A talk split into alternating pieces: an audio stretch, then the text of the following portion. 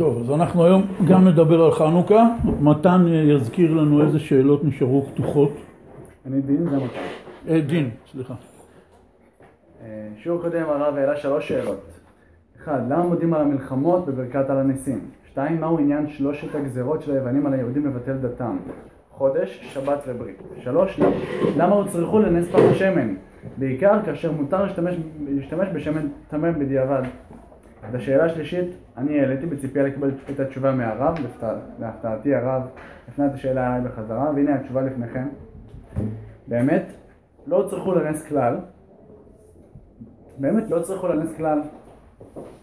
יכלו להדליק בשמן טמא, ואף יכלו לעשות פעולות שונות להדליק את המנורה בלא נס. אלא שהקדוש ברוך הוא עשה להם נס זה להראות שבני ישראל אינם תחת המזל, כי אם בהשגחה למעלה מן הטבע, ונעשה להם הנס בשמן דייקה, כשמן רומז לתורה. יפה מאוד. הלך, חיפש, עשה, כמו שהוא אמר לי, צליב מידע, עשה מחקר, מצא תשובה. מה התשובה אומרת? התשובה אומרת שנכון שכשהם חנכו את בית המקדש, והם היו כולם טמאי מתים מהמלחמה, כן? וטומאת מת זה הטומאה הכי חמורה שיש. אז הם לא היו יכולים אה, להדליק את המנורה, וגם השמנים היו טמאים על ידי שפתחו את כל הקדים שהיו במחסן של בית המקדש. אז הם היו יכולים, במצב שכל הציבור טמאים, אז מותר לעשות עבודה. כשהכהן עצמו טמא, אסור לו לעשות שום עבודה במקדש. אבל כשכל הציבור טמאים, זאת אומרת אין מישהו שהוא לא טהור, אז מותר אה, אה, לעשות עבודה במקדש. אז באמת הלכתית הם היו יכולים להדליק את המנורה בלי נס פח השמן. לא היו צריכים נס.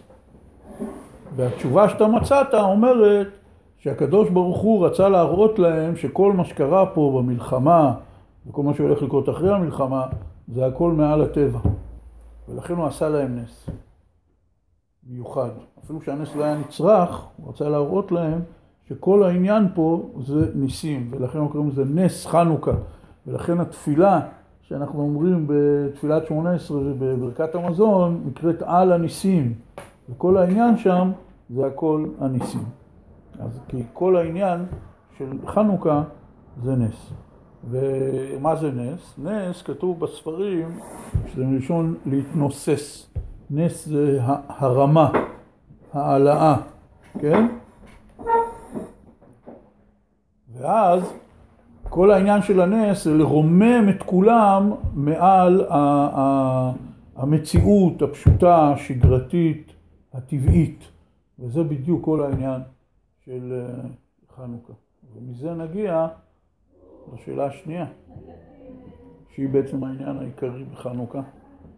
בגמרא וברמב"ם שקראנו כתוב שהיוונים גזרו גזרות על עם ישראל, אבל לא כתוב מה היו הגזרות. וגם בנוסח על הניסים זה לא כתוב. אבל יש ספר עתיק מאוד, ספר חיצוני, מה שקוראים, שהוא לא בתנ"ך, אבל הוא ספר עתיק מאוד שעובר מעם ישראל מדור לדור, שנקרא מגילת אנטיוכוס. בכמה עדות קוראים את זה בבית הכנסת. כמה... זה לא מנהג ידוע, אבל יש כאלה מנהגים. זה ספר עתיק מאוד, ספר חיצוני, מגילת אנטיוכוס. ושם מסופר בפרוטרוט מאוד כל מה שקרה בחנוכה. מפני שבאמת בתלמוד שלנו מופיע העניין של חנוכה רק באיזה חצי דף במסכת שבת. שם כתוב מהי חנוכה, מה זה חנוכה. ואז מספרים במילים קצרות את הסיפור הידוע. אבל uh, מגילת אנטיוכוס זה ספר מאוד מאוד מפורט, שמספר את כל השתלשלות האירועים, לפני, בזמן המלחמה, אחרי המלחמה, ושם כתוב העניין הידוע והמפורסם, שהיוונים גזרו שלוש גזרות, שבעקבות כך החשמונאים מרדו ביוונים. עד אז היוונים שלטו בארץ ישראל, נדמה לי קרוב ל-150 שנה, והיהודים לא התמרדו נגדם. ברגע שהיוונים גזרו על שלוש המצוות האלה, אז היהודים אה, מרדו ב, ביוונים. מה שלוש המצוות? קידוש החודש, שמירת שבת וברית מילה. אז קודם נסביר מה זה המצוות. שבת, כולם יודעים, זה שמירת שבת. ברית מילה, גם כולם יודעים. מה זה קידוש החודש? קידוש החודש, כתוב בספר שמות בפרשת בו, החודש הזה לכם ראש חודשים. וזאת המצווה הרביעית בתורה, נדמה לי, אה, שהקדוש ברוך הוא מצווה את משה ואהרון שיגידו לעם ישראל שספירת הזמן של עם ישראל היא שונה מאשר כל העמים.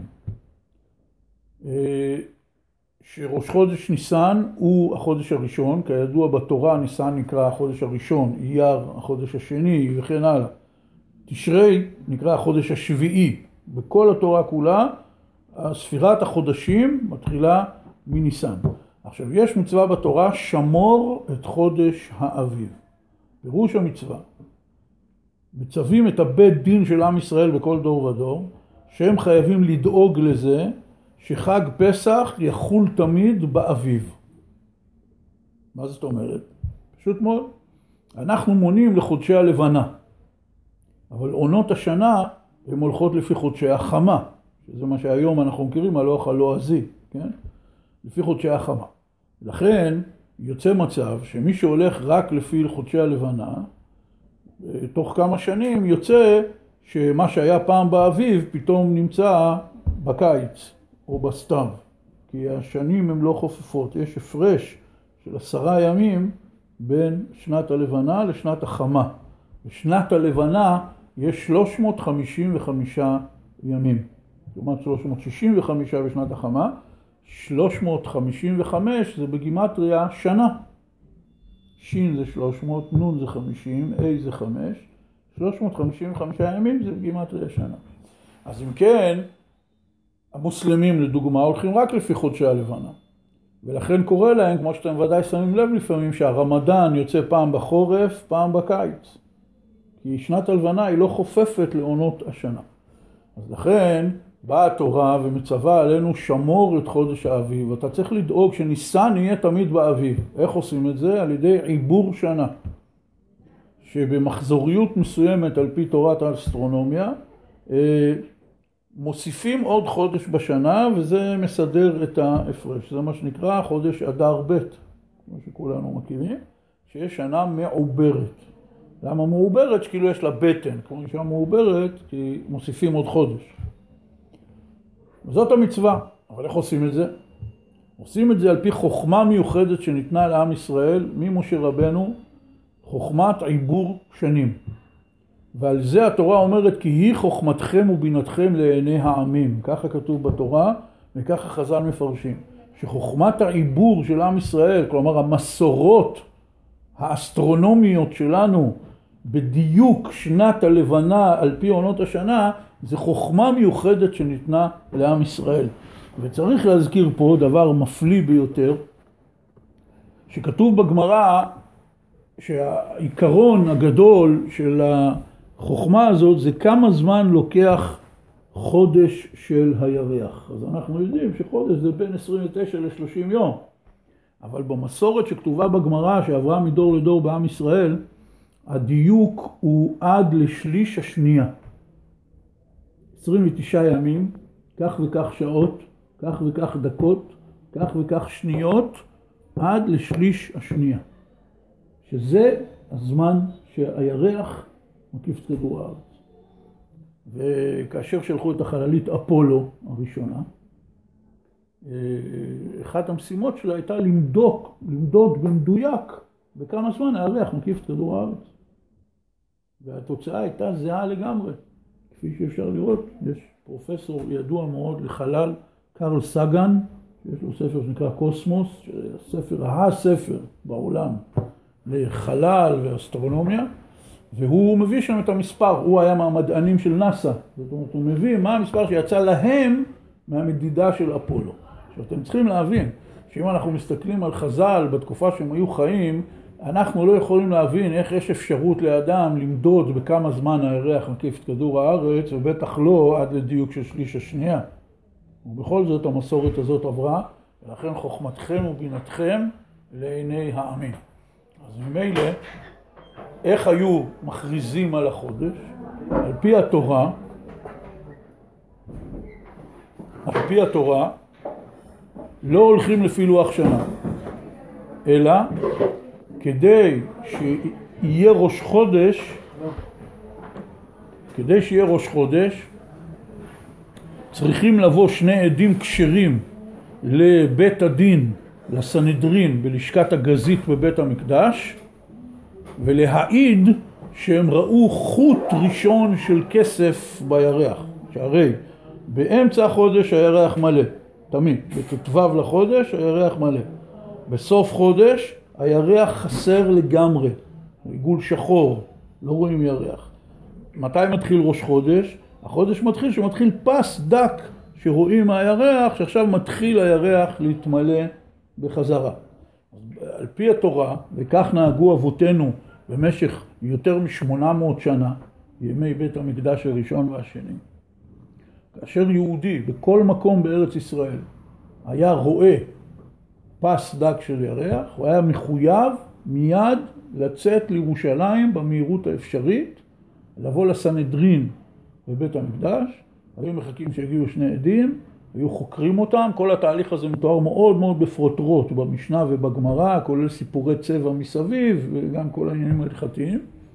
ואחרי שהבית דין היה מחליט ששתי העדויות תואמות ותואמות המציאות, אה, היו מכריזים היום ראש חודש ועושים סעודה גדולה. זאת הדרך שעם ישראל מונה את הזמן. כך היו קובעים את החגים. ואם לפעמים היה מחלוקת בין שני חכמים מתי ראש חודש, אז היה נדחה התאריך, והדוגמה הכי מפורסמת זה יום כיפור. יום כיפור זה יום צום מן התורה, זה היום הכי נורא בשנה, הכי קדוש, כן? כתוב שבת שבתון הוא לכם. אז זה יום קדוש מאוד מאוד, ומי שאוכל ביום כיפור חייב כרת. זה עבירה חמורה ביותר לאכול ביום כיפור, כמו שעד היום מוטמע ככה בתודעה היהודית הכללית, אפילו אצל אנשים חילונים לגמרי, לאכול ביום כיפור זה משהו כזה דרמטי. למרות שלאכול חמץ בפסח זה בדיוק אותו דבר, כן? אבל מוטמע בזיכרון הקולקטיבי היהודי שלאכול חזיר או לאכול ביום כיפור זה כבר קו אדום. למרות שמבחינה הלכתית קשה להבין למה זה ולא זה, אבל זה נכנס חזק. עכשיו מה שקורה שיום כיפור כתוב בתורה שהוא בעשירי בתשרי. זאת אומרת, לפי איך שהבית דין של הסנהדרין בלשכת הגזית בבית המקדש קבע מתי יהיה א' בתשרי, לפי זה יהיה אה, י' בתשרי, כי זה לא לפי יום, זה לפי תאריך. ובאמת היה פעם אחת ששני חכמים גדולים מאוד שהיו לעם ישראל, רבן גמליאל ורבי יהושע, נחלקו ביניהם מתי צריך לחגוג, לעשות את יום כיפור. לצורך העניין, סתם דוגמה, ביום שני או שלישי, כן? עכשיו, רבן גמליאל היה נשיא ישראל, הוא היה אב בית הדין. רבי יהושע היה אחד מגדולי גדולי חכמי ישראל, אבל הסמכות של רבן גמליאל הייתה הרבה יותר גדולה ממנו. והיה ביניהם מחלוקת. ורבי יהושע התעקש שהוא צודק. אז רבן גמליאל אמר לו, אני גוזר עליך שתבוא אליי ביום כיפור שחל לפי חשבונך, במקלך ותרמילך. זאת אומרת, אני מצווה עליך לחלל את יום כיפור לפי החשבון שלך. מדוע הוא עשה את זה? הוא עשה את זה כדי לקבע את הסמכות של אב בית הדין. שלא יהיה מצב שכל אחד בא ומחליט החלטות בעצמו ועכשיו הוא, אה, יש לו תורה חדשה משלו. ורבי יהושע אכן עשה את זה. ואז כשהוא בא אליו, כתוב שהוא נשק אותו על ראשו, אמר לו, ברוך הבא רבי ותלמידי. רבי בחוכמה. כאילו, אתה יותר חכם ממני בתורה. ותלמידי שקיבלת את דבריי. שזה אחד מהסיפורים המכוננים של היהדות. במובן הזה שאנחנו לא מודדים אנשים לפי מה שנדמה לנו, לפי האמת, שהם יותר חכמים אחד מהשני, אלא במובן הפשוט ביותר, איך עם ישראל מקבל אותם. ואם יש לו סמכות, צריך לציית לסמכות. אחרת, במיוחד בזמן החורבן, יש, קורה מצב, מה שחז"ל כינו את זה, נתת תורת כל אחד ואחד בידו. כל אחד יחליט ההחלטות שלו. מה שהוא רוצה, ויפסוק פסקים מעצמו, ואז אין תורה אחת, אין סמכות אה, אחת. בכל מקרה, אז רואים שזה אפילו יום כיפור, לא כל שכן ראש השנה, לא כל שכן סוכות שהוא בט"ו בתשרי, ופסח שהוא בט"ו בניסן, ושבועות שהוא בשישי בסיוון, יוצא מצב שאם טועים, אם בית הדין טועה בחישוב של קביעת ראש חודש, נגיד בראש חודש ניסן, יוצא שאם הם טעו ביום, אז כל עם ישראל אוכל חמץ, בגלל שהם קבעו את ט"ו בניסן יום אחרי זה, כן? וזה הכוח האדיר שהתורה נתנה קודם כל לבני אדם ובעיקר לבית דין של עם ישראל ולכן אנחנו בתפילות, בתפילות שבת אנחנו חותמים את כל התפילות, אומרים ברוך אתה השם מקדש השבת. אבל בחגים אנחנו אומרים ברוך אתה השם מקדש ישראל והזמנים. ככה זה החתימה הקבועה של כל התפילות בחגים. אז נשאלת השאלה למה אומרים מקדש ישראל והשבת ההבדל הוא שמקדש השבת מפני שהקדוש ברוך הוא קבע מתי זה שבת. אי אפשר לשנות את זה. כל יום שביעי מאז בריאת העולם, כפי מה שבני אדם סופרים, אז זה שבת. אבל בחגים הקדוש ברוך הוא נתן כוח לבית הדין שהוא שולט מתי זה יהיה, לפי השיקולים שלו, שהוא רואה את הירח. לכן אומרים מקדש ישראל והזמנים. זאת אומרת, קידשת את ישראל שהם יכולים לקבוע מתי זה הזמנים. בתלמוד ירושלמי מביאים משל אה, מאוד מעניין על העניין הזה, על ראש השנה הם אומרים את זה. אומרים משל לאחד שהיה נאשם במשפט וכבר קבעו תאריך למשפט וכבר בנו את הבימה לקטגור ואת הבימה לסנגור ובנו את דוכן הנאשמים וכל השופטים כבר אה, מוכנים ואז פתאום הנאשם בא ואומר לא לא תשמעו היום לא מתאים לי הוא דוחה את המשפט אומרים חז"ל אותו דבר, תראו איזה כוח הקדוש ברוך הוא נתן לבית הדין, שראש השנה כבר נקבע בשמיים, כבר מארגנים את הכל, זה יום הדין לכל באי עולם, ופתאום הבית דין, בני אדם, אומרים לא, לא, תשמע, לא, לא, זה צריך לדחות את זה ביום. זה עוצמה אדירה שהקדוש ברוך הוא נתן לאדם, לבית דין של עם ישראל. זאת מצוות קידוש החודש. היוונים ביטלו את זה. כלומר, הם ביטלו את האפשרות לעשות את מעמד קבלת העדות שכל הסנהדרין יושבים באזור מסוים בבית המקדש ומקבלים עדים ומכריזים על ראש חודש. כמובן שהשאלה הגדולה, הם היו צריכים להכריז על ראש חודש לכל עם ישראל. בימים ההם לא היה שום אמצעי תקשורת. אז איך עשו את זה? הרי זה ממש צריך לדעת להיום, שהיום ראש חודש, התפילות הן שונות, הכל שונה. צריך באותו יום היו צריכים לדעת שראש חודש. איך ידעו? בירושלים הגיעו שני עדים, הרבנים חקרו אותם והחליטו והכל. אז המשנה מספרת לנו שהיו מתחילים להשיא משואות אה, אה, מירושלים עד לבקעת הירדן על הר הסרטבה, שמשם רואים את ירושלים, שזכינו לעשות שם הרבה מסעות ועניינים, הייתי חייל בבקעה, ועל מורדות הסרטבה בנו את המושב משואה, על שם המשואות של הר הסרטבה, ששמו כן. מופיע במשנה. זה באזור של פצל. פצל הוא לא עליו. הר הסרטבה, ושם היו עומדים עם משואות ענק, מחכים לראות את המשואות מירושלים, ברגע שרואים אותם הם מסיעים משואות ענק, ואז היו רואים אותם בעבר הירדן, בערים, שהיו קבועים מראש, שחיכו, כי הרי כולם ידעו לפי הירח מתי ראש חודש פלוס מינוס, היום מחר, רואים את זה בירח, רק צריך לקבל אישור מהסנהדרין שהגיעו עדים כשרים. אז כולם חיכו, היו בכוננות, ככה איזה יום יומיים, רואים את המשואות מירושלים, בסרטבה מסיעים משואות, בעבר הירדן רואים את המשואות מהסרטבה, בבבל רואים את המשואות מעבר הירדן, כן, וחז"ל אומרים עד שהייתה כל הגולה כמדורת אש, כל הערים של כל הגולה, כן, רוב עם ישראל היה גר אז ארץ ישראל, עבר הירדן ובבל, אז אה, ככה היו יודעים מתי ראש חודש. היוונים ביטלו את הדבר הזה. הוציאו מסנכרון את כל ה... כן.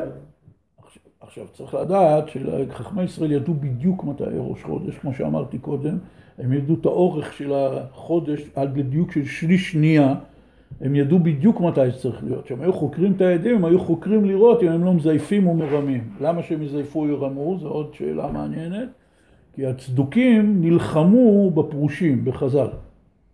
והם רצו לבלבל את החשבון, כדי שהם יוכלו להראות לעם שהחכמים טועים. לדוגמה, אם הצדוקים שולחים עדי שקר, והחכמים קובעים ראש חודש, נגיד יום אחרי זה. בט"ו בחודש, שהירח מלא לגמרי, אם העם מסתכל בירח ורואה שהוא כבר לא מלא לגמרי, שכבר התחיל להתחסר, אומר, החכמים האלה לא מבינים כלום, היום בכלל לא ט"ו לחודש. אז לצדוקים היה אינטרס לקלקל את פסק קידוש החודש של חכמים, והם היו שולחים עדים מזויפים, שהיו מזייפים. וזה מתואר במשנה, במסכת ראש השנה ובגמרא, באריכות גדולה, כל מיני סיפורים שהיו אז, עניינים שלמים. היו משלמים כסף לאנשים שיעידו עדות שקר, סיפור שלם. בכל מקרה, היוונים ביטלו את זה. אז מה עם ישראל עשה? שום דבר, יש לנו לוח שנה. כל הלוח שנה שלנו, קבע אותו אחד מגדולי התנאים האחרונים, קראו לו שמואל הקטן, זה היה שמו, והוא קבע לוח שנה שיתאים עד סוף כל הדורות. מה זה יתאים?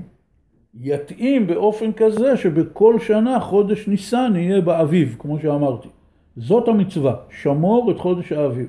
מפני שפסח נקרא חג האביב, והוא חל בט"ו בניסן, אז החכמים הצטוו, והם עשו את זה על ידי לוח השנה הזה, שבכל שנה ניסן, ט"ו בניסן, תמיד יהיה בחודש האביב.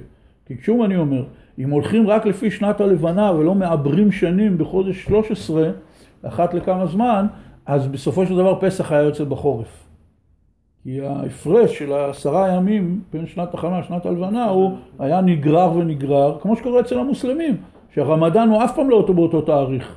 הוא באותו תאריך שלהם, אבל לפי עונות השנה אין שום... אה, זה. אגב, גם השנה הנוצרית, הלועזית, שנת החמה, היא גם צריכה עיבור. אחת למאתיים שנה בערך, אין חודש פברואר. כי חייבים להתאים את זה. תקראו על זה בוויקיפדיה, זה מאוד מעניין. אה, כי גם הלוח הזה הוא לא מדויק. אז כדי שזה יהיה מדויק, וקובעים את זה לפי הימים של עונות השנה, אז הם גם צריכים לעבר שנה. אה, כלומר, לחסר שנה כדי שזה יהיה מתאים. אצלנו זה כמובן הרבה יותר אה, סמוך. זאת מצוות קידוש החודש. והיוונים אסרו על יהודים לשמור שבת, והם אסרו עליהם למול את התינוקות בני שמונה ימים. אלה שלוש הגזרות. אלה גזרות חמורות ביותר, ואז קמו החשמונאים, שהם היו מהמשפחה הכי חשובה של הכוהנים, כמו שאנחנו אומרים בתפילה, מתתיהו, בן יוחנן, כהן גדול, חשמונאי ובניו. על המילה חשמונאי יש ויכוח גדול מה פירוש המילה. אה, גם בשיר לחנוכה הם קוראים חשמנים, במעוז צור ישועתי, חשמנים. אה, יש זה הרבה פירושים, זה גם שעון שמונה, זה גם שעון שמן, זה אולי שם ממקום שהם גרו. מתתיהו היה כהן גדול. וכל בניו, חמשת בניו, כפי שאמרנו פעם שעברה, אלעזר, יונתן, יוחנן, שמעון ויהודה, הם היו בני הכהן הגדול. עכשיו צריך לדעת, וזה הדבר המיוחד במינו בחנוכה, זה לא סתם איזה אינתיפאדה, זה לא סתם איזה מלחמת גרילה של עם נכבש בכובש. אצלנו מי שהתחיל את המרד וגם הנהיג אותו מבחינה צבאית עד לסיומו, מתתיהו נפטר באמצע המלחמה. אחרי זה יהודה המכבי, גם הוא, כולם נהרגו, חוץ משמעון, שהוא היה נשיא ישראל בזמן הניצחון הגדול הסופי על היוונים. שמעון הצדיק? לא, שמעון, לא, לא. שמעון הצדיק היה תנא בזמן אלכסנדר מוקדון, הוא היה לפני תקופת החשמונאים. נדבר רגע על הרשעים בסיפור. אנטיוכוס היה מלך היוונים, מדובר פה על היוונים מסוריה, לא מיוון. הרי אם אתה זוכר היסטוריה, אלכסנדר מוקדון, כשהוא מת, הוא השאיר אימפריה ענקית. והיא התחלקה בין היורשים שלו, שלפעמים גם נלחמו אחד בשני. אחד מהשושלות של היורשים של אלכסנדר מוקדון נקרא בית סלבקוס. ש... ואנטיוכוס היה מבית סלבקוס, והוא משל בסוריה. זאת אומרת, המלחמה בעצם הייתה נגד סורים. רק זה לא סורים, זה יוונים שגרו בסוריה, כן? בכל מקרה, מי התחיל את המרד? מתתיהו, הכהנים. בניו המשיכו להיות מפקדי הצבא אחד אחרי השני עד שכולם נהרגו חוץ משמעון, שהוא היה מפקד הצבא האחרון וגם עשה את הניצחון הגדול וגם אחרי זה היה נשיא ישראל. הבנים שלו כבר הכתירו את עצמם כמלכים. אבל כהנים, על פי התורה, אסור להם להיטמא למתים. כמו שכולנו מכירים את זה היום, מהמציאות של בתי קברות שלכהנים אסור להיכנס. או שבבתי חולים יש שלט, הכניסה אסורה לכהנים, כי אנשים מתים כל הזמן בתוך בית חולים. למה זה רלוונטי אם אין פרה אדומה? כולנו כולנו טמאי מתים, אבל לכהנים אסור להיטמא למתים מדרבנן כדי שתישאר, יישאר הזיכרון של המצווה הזאת, כן? כלומר ש- שלא נשכח את הנקודה הזאת. אה, איך נטמאים בטומאת מת? אה, אנחנו טמאי מתים כי אנחנו נולדים מאימא שהיא בעצמה טמאת מת, אז ממילא זה כבר אוטומטי. אבל אה, להיטמא בטומאת מת זה לא רק לגעת במת, זה גם להיות תחת אותו גג.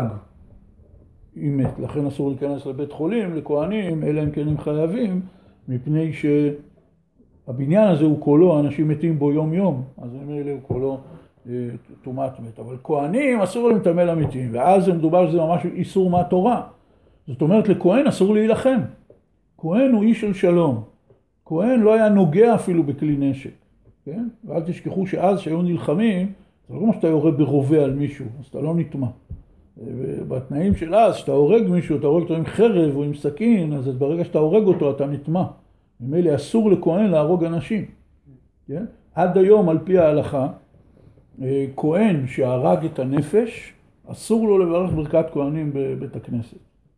לפי האשכנזים, אה, אה, מקלים בזה.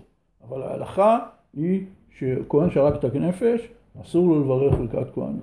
כמובן שבימינו יש לזה רלוונטיות גדולה, לדוגמה לחיילים שנלחמו במלחמה והרגו אנשים.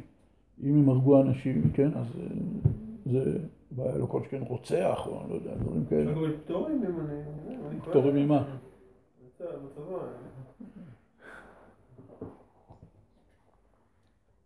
זה באמת בעיה.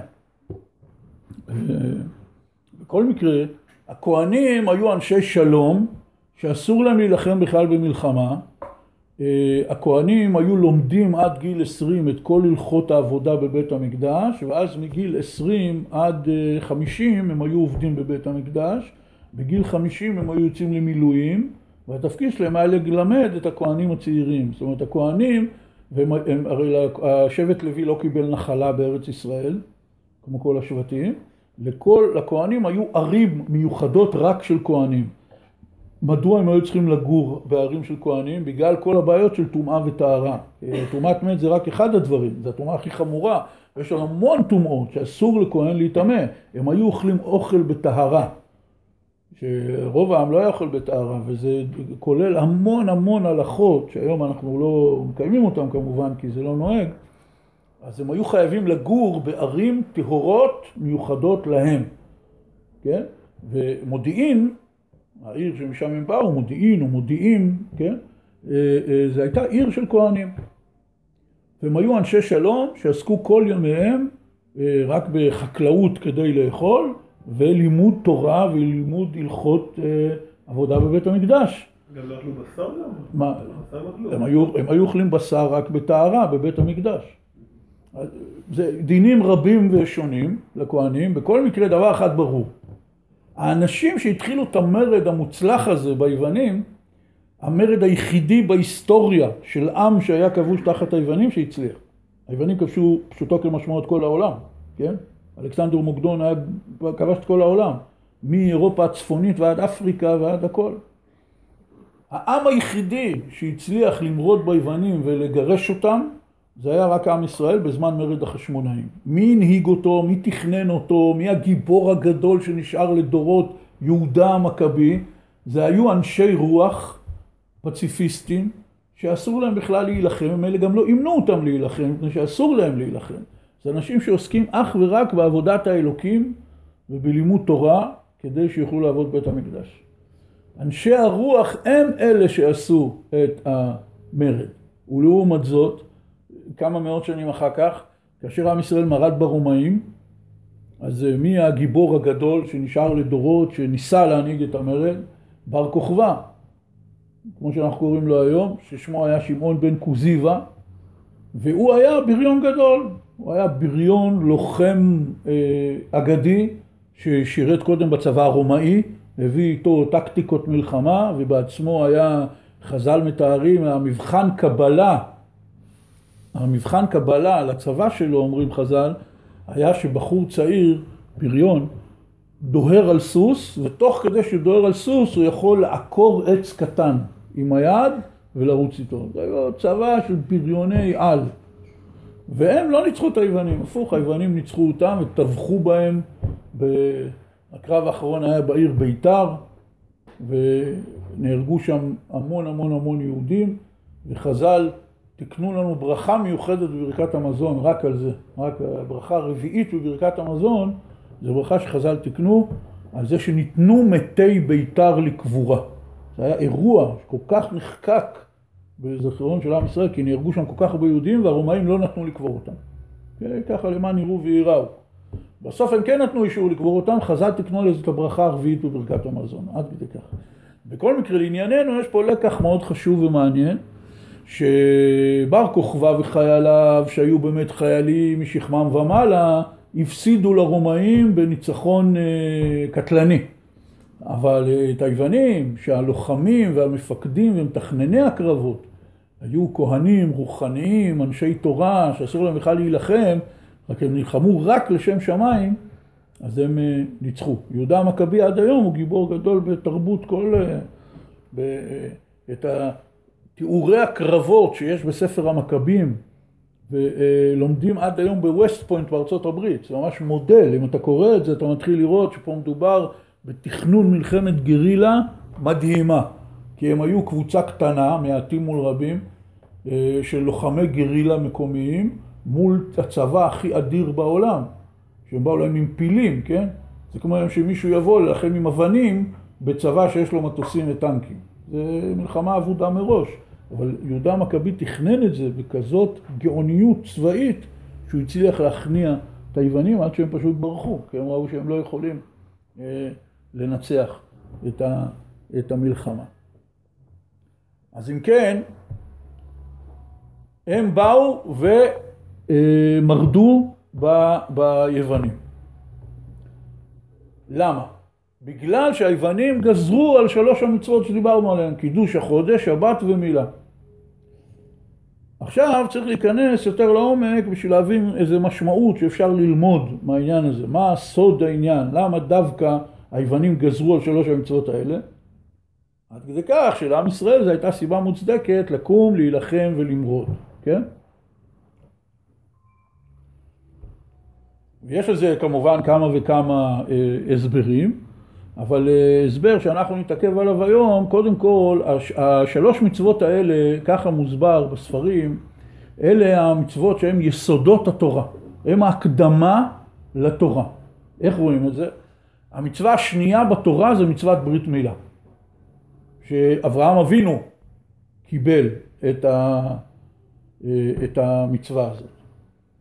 אז זה ממש מצווה מהראשונות, המצווה הראשונה בתורה זה מצוות פור ורבו, נתן לאדם וחווה. מצווה שנייה בתורה, מצוות מילה שניתנה לאברהם אבינו. מצווה שלישית, דיברנו עליה שבוע שעבר, מצוות גיד הנשה, והמצווה הרביעית זה קידוש החודש. זאת אומרת, זה ממש אה, מצוות הראשונות שיש. ומיד שבני ישראל יצאו ממצרים במראה, כמו שכתוב בתורה, הם קיבלו את מצוות שבת. כל שאר המצוות הן באות במצבורים שלמים, בציוויים שמשה רבנו מקבל מהקדוש ברוך הוא, וידבר השם על משה לאמור, וזה מצווה כזאת, מצווה כזאת, מצווה כזאת, עוד אה, אה, אה, 600 ומשהו מצוות. אבל שבת הם קיבלו במראה, זאת אומרת ממש מיד אחרי יציאת מצרים קיבלו מצוות שבת. רואים ששלוש המצוות האלה, אה, מילה, בזמן אברהם אבינו, קידוש החודש, עוד לפני יציאת מצרים, משה ואהרון קיבלו אותה, ומצוות שבת קיבלו אותה במראה מיד אחרי יציאת מצרים, זה שלוש מצוות ממש ראשוניות. חוץ מהם יש רק את מצוות פרו ורבו ומצוות אה, גיד אנשי. רואים שהשלוש מצוות האלה הן מצוות מאוד ראשיות, הן מצוות מאוד חשובות, הן מצוות שהן הקדימו את כל שאר המצוות. והמלחמה היא תמיד על השורש. המהר"ל מפראג הוא ידוע שהוא פיתח שיטה שלמה של מחשבה בתורה שבכל דבר העיקר זה השורש, ורואים את המהלך הזה בכל התורה כולה. אנחנו מצווים לקדש את הראשית בכל תחום ותחום. אם זה פדיון הבן הבכור, אנחנו מצווים לפדות אותו. אם זה בתרומות ומעשרות, אם זה להבדיל בין הילדים לחמורים, גם בבכור של פטר חמור, כן? יש מצוות. בכל דבר תמיד הראשית היא החשובה. אנחנו מקדשים את הראשית, כי המלחמה היא תמיד על השורש. אם השורש טוב, גם אם יש תקלות בדרך, בסוף זה יצמח טוב. אם השורש הוא רע, גם אם נראה לך שזה מצליח, בסוף זה ייבול. מפני שהעיקר בכלל בחיים זה תמיד איך ההתחלה. וזה כל הרעיון של חנוכה, אני אומר רגע בסוגריים. כמו שאמרנו, חנוכה זה מלשון חינוך. חינוך זה להכשיר דבר למטרה שלו. כן? גם כשאנחנו אומרים לחנך ילדים, זה לקחת ילדים קטנים שהם עוד בהתחלה, ולחנך אותם לקראת מה שאנחנו מעוניינים לחנך אותם. לכן קוראים לזה חנוכת הבית, כן? או חנוכת משכן לאומנויות הבמה. מה העניין של המילה חנוכת? חנוכת, כולנו יודעים, לחנוך משהו, נכון? מה זה לחנוך? לחנוך זה לפתוח אותו בפעם הראשונה. זה כולנו יודעים, אנחנו משתמשים במילה הזאת בעברית שלנו. אז אם כן, חנוכה זה תמיד התחלה, נכון? שחונכים משהו, זה תמיד ההתחלה של משהו. כל המלחמה היא על ההתחלה, על השורש, על הראשית. לכן שלוש מצוות האלה הן מצוות שהן מסמלות את הראשית, את ההתחלה של כל דבר. ולכן היוונים באו להילחם נגדם. זה רעיון אחד. למה הם ידעו? מה? ודאי שהם ידעו. ידעו את השורשים? הם ידעו הכל, וזה היה, צריך לזכור תמיד שהיה ידע רב מאוד בין שתי התרבויות, כן? חז"ל, במדרשים הקדומים ביותר שלנו, אפשר להגיד שאין, כל 20-30 מילים יש מילה ביוונית. השפה היוונית היא חלחלה לתוך הלשון של עם ישראל, כן? והכל. חוץ מזה, שתלמי המלך גזר, הוא היה, הוא היה מבית תלמי, גם כן צאצאי אלכסנדר מוקדון, במצרים הוא היה, והוא ידוע בתור מלך שקידם מאוד את האינטלקטואליה ועשה את הספרייה הכי גדולה בעולם בזמנו וכולי וכולי, והוא ציווה על 70 מחכמי ישראל לתרגם את התורה ליוונית. וזה דבר שחז"ל מאוד התנגדו לו, בגלל שברגע שאתה מתרגם את התורה ללשון אחרת, המשמעויות בשפה נעלמות. לדוגמה, איך תפרש בראשית ברא אלוקים את השמיים ואת הארץ? אתה תפרש זה in the beginning God created, נכון? ככה אתה תפרש את זה. אתה מאבד מיד את כל העומק החידתי שיש במילה בראשית, כן? אצלנו, אם אתה תחפש פירושים על המילים בראשית ברא אלוקים, אתה יכול למלא חדר כזה בספרים וגם לא תגמור.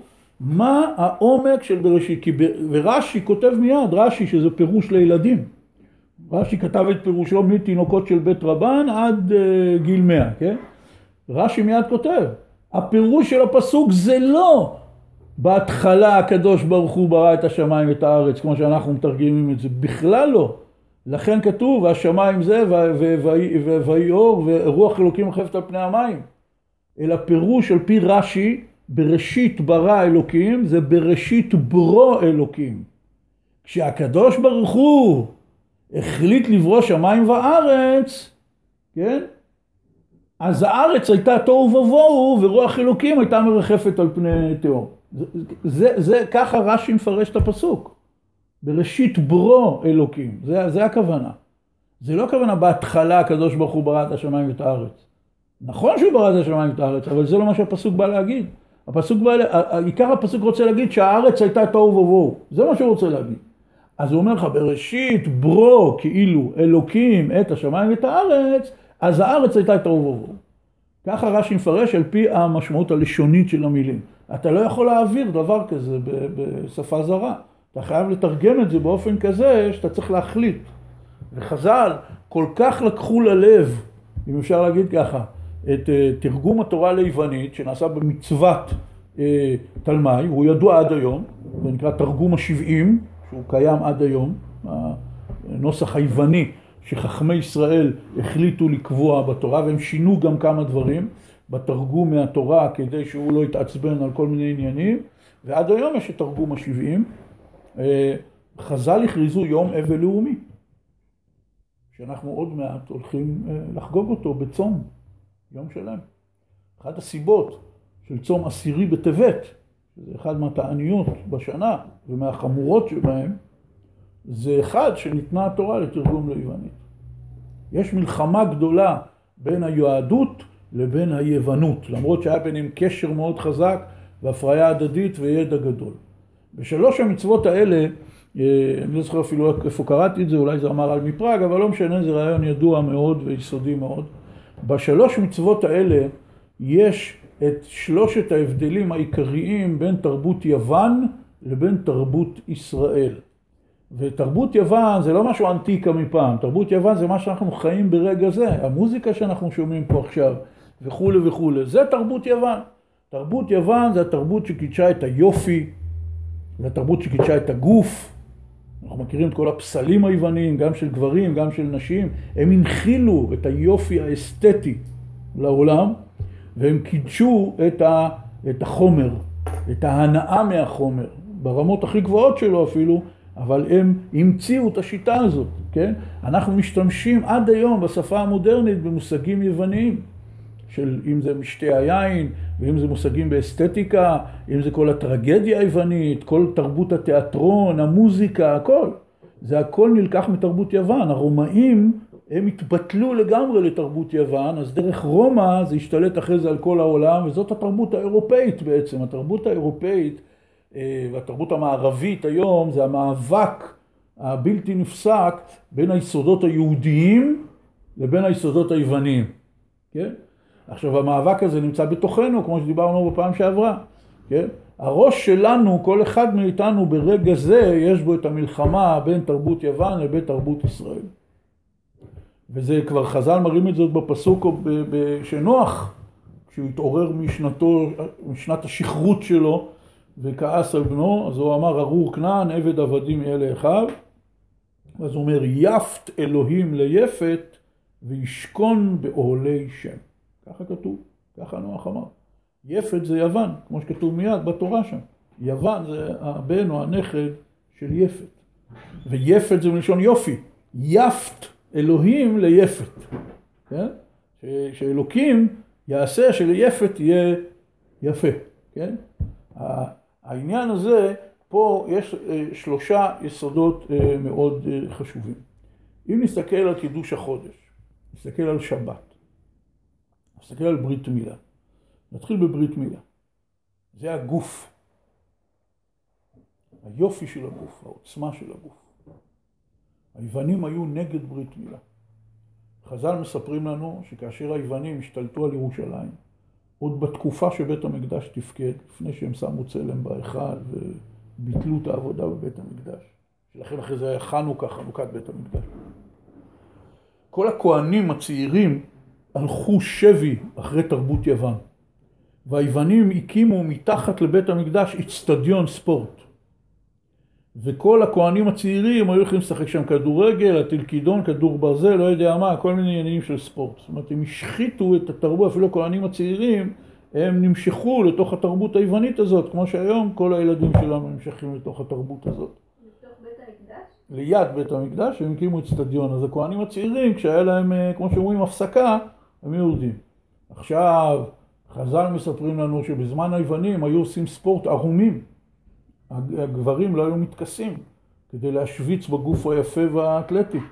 ואז ממילא הכוהנים הצעירים היו מתביישים שהם נימולים, לעומת היוונים הבריונים שיש להם עורלה. אז הם היו מושכים את עורלתם. זאת אומרת, היו עושים כל מיני פטנטים שלא יקלטו שאני נימול, כי זה בושות כאילו, כן? זאת הייתה המלחמה, הברית מילה. מה זה הברית מילה? ברית מילה זה חותמת של ברית בין אלוקים לבין האדם, שזה לא נשאר בגדר איזה רעיון פילוסופי או תיאולוגי או רוחני, אלא אנחנו מצווים מגיל שמונה ימים לחתום בגוף התינוק את הברית העצומה הזאת שיש בינו לבינו ודווקא בעבר הזה.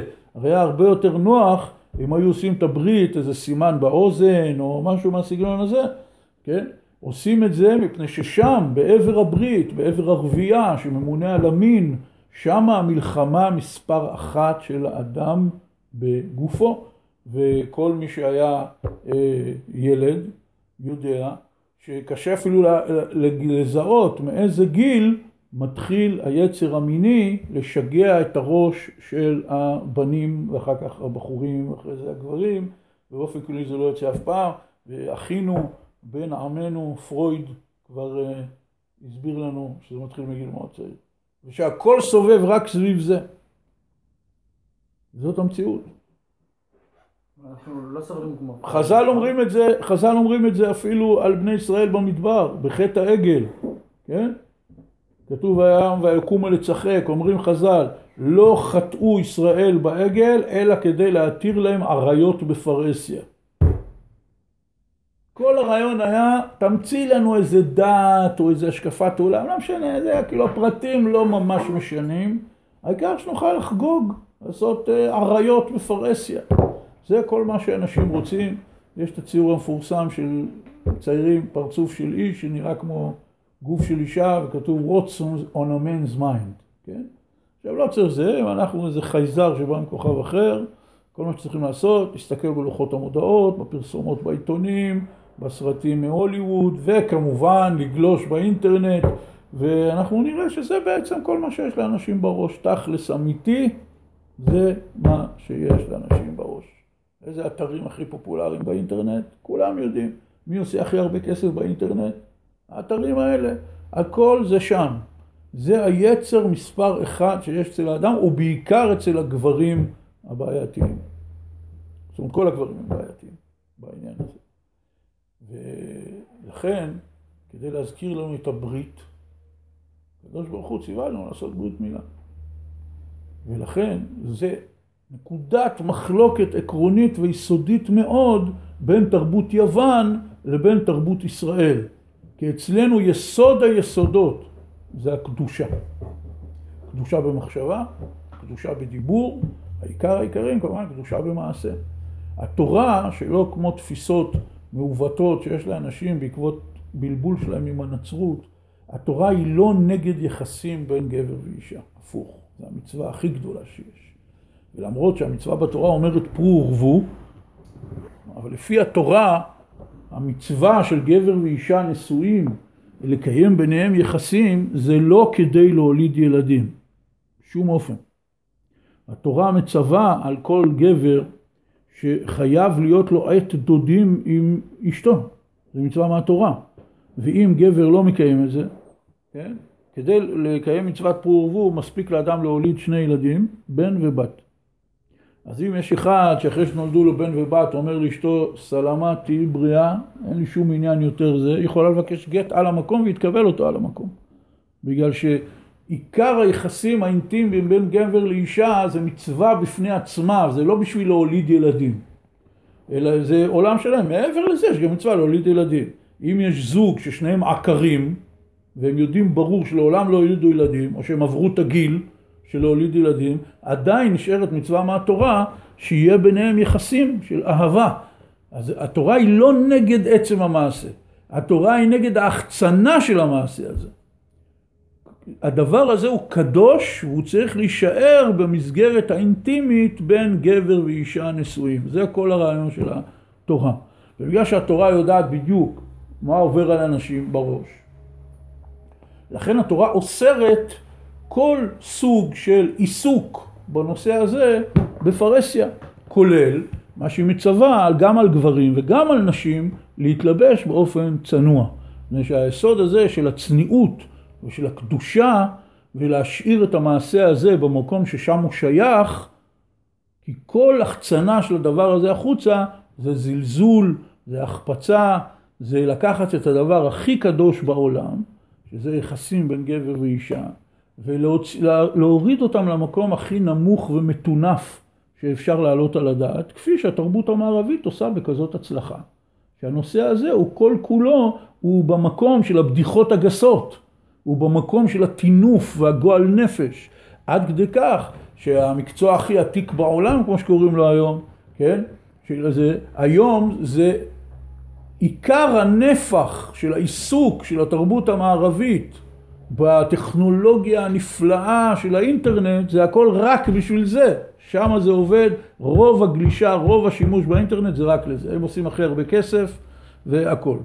זה לקחו את זה למקום הכי מטונף שיכול להיות, עד כדי כך אני יכול להגיד לכם ככה בסוגריים, במחילה פה מהצעירים והצנועים, אה, אני אה, אה, נחשפתי עד גיל 20 לשתי דקות פורנו בטעות שהגעתי לבית של חבר והם הקרינו שם איזה סרט שהבריחו פילים 16 מילימטר מהולנד כי זה היה אסור לפי החוק להכניס לארץ כאלה דברים, כן? כך שמעולם לא ראיתי את זה, אני רק יודע שזה קיים אבל היום יש ילדים בני שמונה שכבר ראו את כל מה שאפשר לראות ואז מגדלים דורות חדשים של אנשים שכל התפיסה שלהם על יחסים בין גברים לנשים זה דרך סרטי פורנו, כן? זה בערך כמו ילדים שחושבים שהמכות שהם רואים בסרטי קראטה אז ככה זה ללכת מכות עד שהם הולכים פעם אחת מכות וחוטפים טוב טוב כי מתברר להם שאי אפשר לרחף באוויר וברגל אחת לחסל עשרה אויבים אפילו ג'קי צ'נג לא יודע לעשות את זה השחקנים בסרט וידאו בסרטי קראטה הם על, על חוטים הם זזים. אף אחד לא יודע לעוף באוויר ולחסל עשרה אנשים. אבל זה הכל תעשייה של בדיה, זה תעשייה שמגזימה את המציאות, ותעשייה שהיא לוקחת את החלומות הכי פרועים של אנשים וכאילו מוציאה אותם החוצה, ודורות שלמים, ויש על זה מחקרים כבר, שזה פשוט מעוות והורס את כל המוכנות הנפשית של צעירים לחיים זוגיים, בגלל שכל מה שהם יודעים על זה, זה מסרטים שהם לא אמיתיים ולא טבעיים. והנקודה הזאת היא נקודה כואבת במיוחד. לכן ביהדות העניין הזה של הקדושה הוא יסוד היסודות. קדושה במחשבה, לגבר על פי ההלכה אסור לחשוב על נשים, אפילו במחשבה. ואם הוא קורא הוא צריך לעשות תשובה. לא כל שכן בדיבור, שאסור לנבל את הפה בשום אופן בעולם, מה שכל כך נפוץ אצלנו, כן? שימו לב אצל האמריקאים, כן? המילה השנייה בכל משפט זה ה-F word, כן? זה, כי זה איזה סוג של איזה אובססיה ילדותית תמיד לרדת לשם, כן? למקום הכי אה, נמוך שיכול להיות, אבל ודאי וודאי שהעיקר זה המעשה. לגבר ואישה, גם לגבר, גם לאישה, אסור לקיים יחסים רק אם הם נשואים כדת משה וישראל.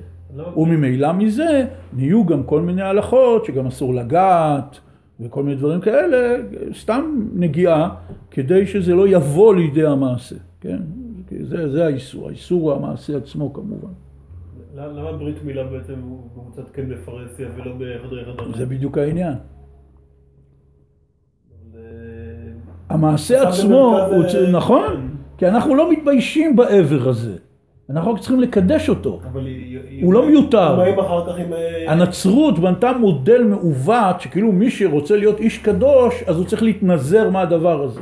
אין דבר יותר לא טבעי מזה. אבל יומיים אחרי ברית המילה אם הילד יסתובב בלי חיתול בבית כנסת זה לא יהיה מכובד. נכון, זה בדיוק מראה לך, כי עכשיו עושים מצווה אדירה ועצומה, כן?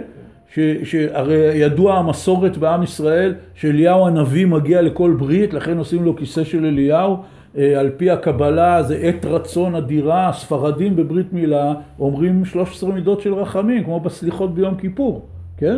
אז העניין הזה שאנחנו עושים עכשיו מצווה, אנחנו מקדשים את הדבר הזה, זה דבר יסודי, אה, אה, אי אפשר להגזים בחשיבותו, כן? ממש יסוד היסודות של הכל זה זה, הקדושה הזאת, ואצל היוונים זה בדיוק ההפך, כן? שהאסתטיקה והיופי והחיבור בין גברים לנשים, הרי כל, כל רומן משרתות שאתה קורא היום הוא חיקוי של המיתוסים היווניים העתיקים. הרי הם לקחו את כל האלים שלהם שהם המציאו והם בנו מיתוסים שלמים, כן? של בקיצור טלנובלה. ההוא בגד עם ההיא והוא הרג את בעלה כי הוא רצה אותה וזה, וכל הסיפורים של האלים היווניים זה הכל ככה, כאילו היה ביניהם יחסים רומנטיים, הם נלחמו, ובגידות, והתפייסויות, וכל הדברים האלה, הם המציאו את הדבר הזה. ולכן זה יסוד מאוד גדול בינינו לבינם, וברגע הם ידעו בדיוק למה הם גוזרים על ברית מילה, ואנחנו ידענו טוב מאוד למה שלפנו נגדם את החרב ו... ונלחמנו על העניין הזה. המצווה השנייה זה שבת. זה מחלוקת בין תרבות יוון לתרבות ישראל בעצם העניין של העשייה בעולם. למה אנחנו חיים? כבר דיברנו על זה שעשו זה מלשון עשייה, כן?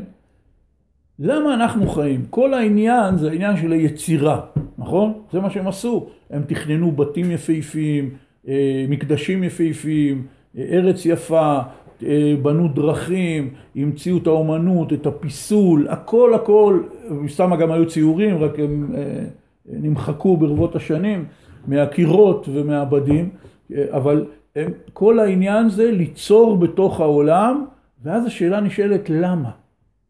מה זה נותן לי? זאת שאלה נצחית, שכל אדם שעושה קצת ביצירה, הוא תמיד שואל את עצמו. נגיד משורר, כתבתי שירים מדהימים למגירה, למה אני רוצה לפרסם את זה? העיקר זה האומנות? אם העיקר זה האומנות, אז למה אני צריך להוציא דיסק או לעשות סרטון ביוטיוב או להדפיס ספר? אם העיקר זה אומנות לשם אומנות, למה אנשים צריכים לראות אותה? ואם זה לא יוצר השפעה, רק אני מצייר ציור, איזה השפעה אני עושה? אנחנו אנשים חברתיים, וכל מה שגורם לך, אתה מוציא מעצמך, וזה פוגש מישהו אחר וחוזר. אתה צריך אישור ממישהו אחר. זה לא חייב, זה לא רק אישור. תראה, הקלישאה, הקלישאה בימינו זה שאני עושה אומנות כי אני רוצה לעשות לאנשים טוב. אז אני רוצה שהם יראו את זה, נכון? זה מוזיקה, זה לעשות להם טוב. כאילו אני בא פה באופן אלטרואיסטי לגמרי.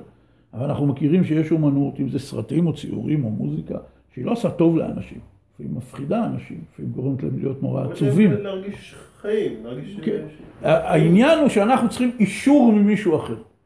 היוונים, הרי עיקר העניין שלהם זה היה אומנות לשם אומנות, חוכמה לשם חוכמה. מה זה פילוסופיה? פילוסופיה זה אהבת החוכמה. חוכמה לשם חוכמה. אומנות לשם אומנות. יופי לשם יופי. זה היסוד של התפיסה היוונית, שהיא שולטת היום בתרבות המערבית, כן? אם מישהו יעשה פסל ומישהו יגיד, בשביל מה זה טוב? אפילו אפשר לשים את זה על ניירות שלא יעופו ברוח. אז כאילו שזה בן אדם פרימיטיבי. מה זה השטויות האלה? שהסובייטים עשו אומנות ששירתה פוליטיקה, כן? זה נחשב עד היום חילול האומנות הכי גבוה שיכול להיות, כן? ריאליזם סובייטי. כל הציור, הכל, כל האומנות היא באה לשם דבר אחד, לשרת את המדינה, את האידיאל, את הקומוניזם, לא משנה מה.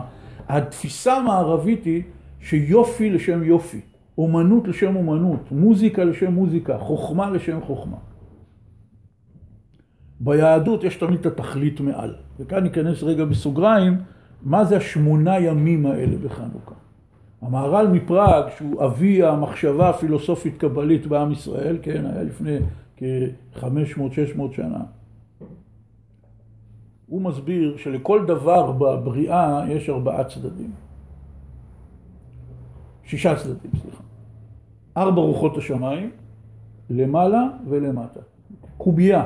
כל אחד מאיתנו, כל דבר בממדים של המציאות, הוא נמצא בתוך קובייה של ארבע רוחות השמיים, למעלה ולמטה. זה שישה צדדים. מה זה השבע? שאנחנו יודעים שיש לו משמעות מאוד מאוד גבוהה ביהדות, כן? אה, אם זה יום שבת, ואם זה בכל דבר, השביעין חביבים, ככה אמרו חז"ל. שבע, גם על פי הלשון, הוא קשור למילה שפע, כי פ' וב' מתחלפים. שבע זה השלמות של ששת הצדדים, המימד המשלים את המציאות. כן? המימד שחופף על הכל, לצורך העניין. שישה צדדים זה הדבר הגשמי כמו שהוא. עכשיו צריך שיהיה לו איזה משמעות בתוך המציאות, זה השבע. מה זה שמונה? שמונה זה כבר מעל, זה הדבר שהוא מעל השכל, מעל התפיסה, מעל הכל. לכן עושים ברית מילה ביום השמיני, מסבירים לנו המקובלים. כי כל העניין של היום השמיני זה שמשהו שהוא מעל המציאות.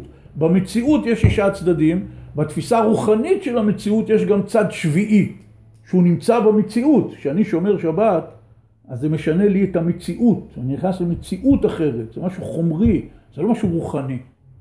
זה משהו חומרי. זה אסור וזה מותר, את זה חייבים לעשות, זה אסור לעשות. זה משפיע לי על המציאות, זה משפיע לי איך אני שותה תה, זה משפיע לי איך אני חותך נייר טואלט בשירותים.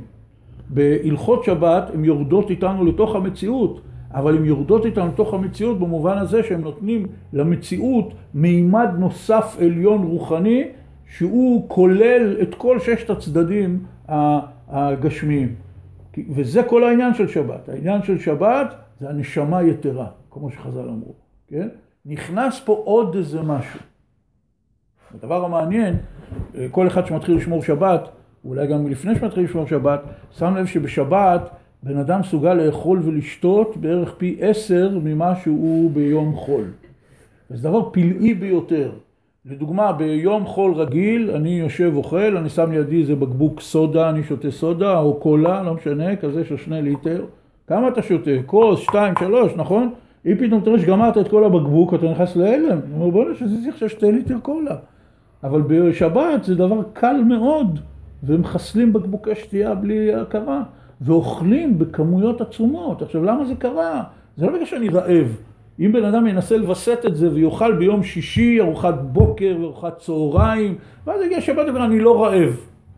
כל אחד יודע שבסוף, בלי לשים לב, הוא מתחיל לאכול בכמויות. מה קורה פה? זה אחת ההוכחות על קדושת שבת.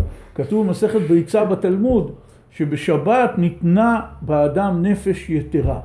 כותב רש"י, כדי שיוכל לאכול הרבה לעונג שבת. זאת אומרת, הנשמה יתרה, ברגע שאתה מקבל נשמה יתרה, אתה פתאום יכול לאכול יותר, כן? זה מראה גם על היסוד הרוחני של האוכל, אבל בעיקר ה... ש... שיש כזה דבר, נשמה יתרה, כי אנשים אוכלים יותר. ואיך שלא תסביר את זה, אתה אומר, לא, זה בגלל שלא עושים כלום, אז אפשר לאכול. תבדוק את עצמך בחופש. כשאתה יוצא לנופש, אתה לא עושה כלום. יש לך לא שבת, שבוע שלם שבת. בטן גב, בטן גב. אז מה, אתה אוכל כמו בשבת? אתה לא אוכל כמו בשבת. מי מסוגל לאכול חמין באמצע השבוע? כן, זו בדיחה יהודית ידועה, כנראה סיפור אמיתי, שהיה במאה שערים איזה רופא חרדי אחד, שפעם אחת הוא ישב עם חברים שלו, רופאים חילונים. אמר לו אחד, אני לא מבין, בן אדם משכיל כמוך, רופא, איך אתה יכול להאמין ביהדות? הוא אומר לו, מה, מה זאת אומרת, מה הבעיה? הוא אומר לו, דוגמה תחיית המתים. איך רופא יכול להאמין שתהיה תחיית המתים? הוא אומר לו, אני לא מאמין בתחיית המתים. אומר לו, אה, לא? אומר לו, אני לא מאמין, אני יודע שיש תחיית המתים. אומר לו, איך אתה יודע? אומר לו, תקשיב, יהודי קם בבוקר בשבת, הולך פעל שחרית, חוזר הביתה, אוכל קוגל, זה, קידוש, בקיצור, משהו מטורף. זולל, זולל, זולל, אחרי שעה, שעתיים, שלוש, כל אחד לפי העניין שלו, מתיישב, אוכל חמין, סעודה ענקית, ואז הוא הולך לישון על בטן מלאה חמין, קוגל וכל המאכלים הלא בריאים האלה, והוא גם מצליח לקום למנחה. הוא אומר לו, זה תחיית המתים. וזה, מי שעבר את זה יודע שזה באמת ככה. בכל מקרה, לענייננו, השמונה הוא משהו שהוא עליון, הוא מרמז לאין סוף. ושבת זה המימד השביעי בתוך המציאות. אנחנו לא מאמינים באומנות לשם אומנות, או ביופי לשם יופי, או בחוכמה לשם חוכמה. לכל דבר יש תכלית, כמו ששלמה המלך מעריך בזה הרבה, אומר את זה בכל מיני צורות בספר קהלת. לכל דבר יש איזו תכלית עליונה. אבל מפני שהאדם, התכלית העליונה אצלו היא חידה. אז האדם יצר מערכות השקפה ומחשבה שכאילו אין שום משמעות. ויש אפילו אחד מהענפים הכי דומיננטיים בפילוסופיה המודרנית, שזה פילוסופיית האבסורד, האקזיסטנציאליזם, שהוא טוען שאין שום משמעות לשום דבר. זאת התפיסה של הפילוסופיה המודרנית. היום אדם שחושב, תראו, אדם ששואל שאלה, למה הרקפת ורודה? הוא לא נחשב שהוא שואל שאלה טיפשית, נכון? שיש הסבר על פי מדעי הטבע מדוע הצמח הוא ירוק, מדוע הפרח הוא צבעוני, כדי למשוך את הפרפרים לצורך העניין, וכן הלאה, זה כל דבר. זה המדע, מה זה המדע? המדע מסתכל על הטבע ושואל למה, נכון? זה מה שהמדע עושה, זה חקירת הטבע של המדע. אז על כל פרט ופרט בבריאה, כל פרט וההתחלקויות של החיידקים, כן? אם מישהו ישאל למה זה, ומישהו יגיד מה למה? סתם. תסתכלו על אותו בן אדם פרימיטיבי, הסתם הזה יכול להרוג את כל המדע. כן? אם היו אומרים על כל דבר סתם, אז לא היו מגלים שום תגליות, ולא היה שום ידע על העולם, כן? אבל אז בא הילד ושואל שאלה, על כל פרט ופרט בתוך כל כדור הארץ ובחלל, אתם שואלים למה, ויש לכם גם תשובות. או שאומרים, יש תשובה, אבל לא הצלחנו למצוא אותה, זה בתהליכים, לא משנה. עכשיו אני שואל על כל זה ביחד למה, ואז המדענים אומרים לו סתם.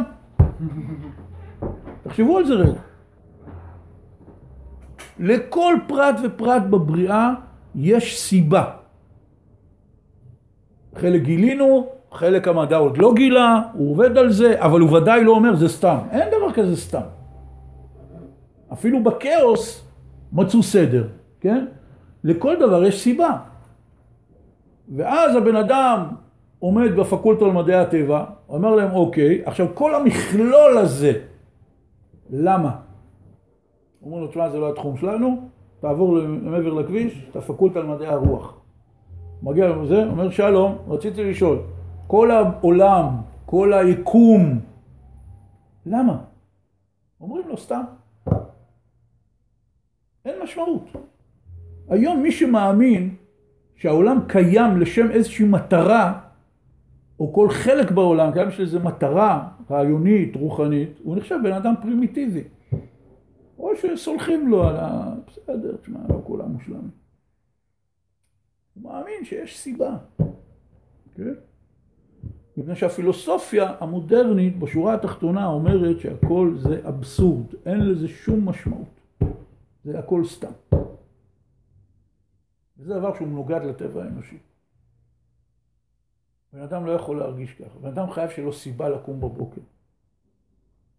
חייב.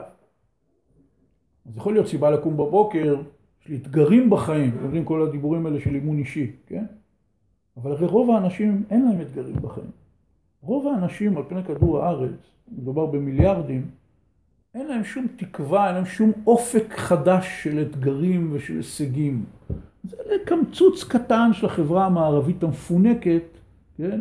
שבן אדם אומר, אני רוצה לעשות את המיליון הראשון, את המיליון השני, אני רוצה להיות הארכיטקט הכי גדול בעולם, אני רוצה להיות רוקסטאר, כל מיני דברים כאלה. כמה אנשים זה? רוב האנשים בעולם, הוא קם בבוקר, הוא הולך לשדה אורז וחוזר, אין לו שום אפשרויות קידום, שום אפשרות התפתחות, כן? או שהוא הולך להרכיב את האייפון באיזה מפעל בית עבדים, כן? או לעשות לנו את הנעליים, את הבגדים, את הטלפונים, כל מה שאנחנו עושים. זה אנשים אומללים שמקבלים דולר ליום, אין להם שום אופק של תקוות. למה הם קמים בבוקר? למה הם לא מתאבדים בהמוניהם? והדבר המעניין הוא שריבוי המתאבדים אצל החברה השבעה והעשירה הוא יותר גדול מאשר אצל האנשים העניים. כן? איפה מתאבדים יותר? בבברלי הילס או בשדות האורז? כולם יודעים איפה, זה פשוט. זה פלא. לאלה בבברלי הילס יש להם אופק, יש להם תקוות, יש להם אתגרים, יש להם שאיפות, תמיד יש לאן להתקדם, נכון? יש לי בית של אלפיים מטר מרובע, אני רוצה בית של עשרים אלף מטר מרובע. כן? יש לי 30 מכוניות ספורט באוסף, אבל אני רוצה גם 30 מסוקים. וכן הלאה, זה לא נגמר לעולם, נכון? כל מיליארדר שיש לו עושר אגדי ורכוש, הוא רואה את השני שהוא יותר עשיר ממנו, הוא מתמלא קנאה. הוא רק חוזר, מתחיל לעשות טלפונים, איך אני מגיע לרמה שלו? יש, אז למה הם מתאבדים? בטבע האדם הבריא הנורמלי שחי חיים נורמליים, טבוע העניין שהוא יודע זה הכל פה זה לא סתם. מה כן? אין לו מושג. אבל הוא יודע שהכל פה זה לא סתם.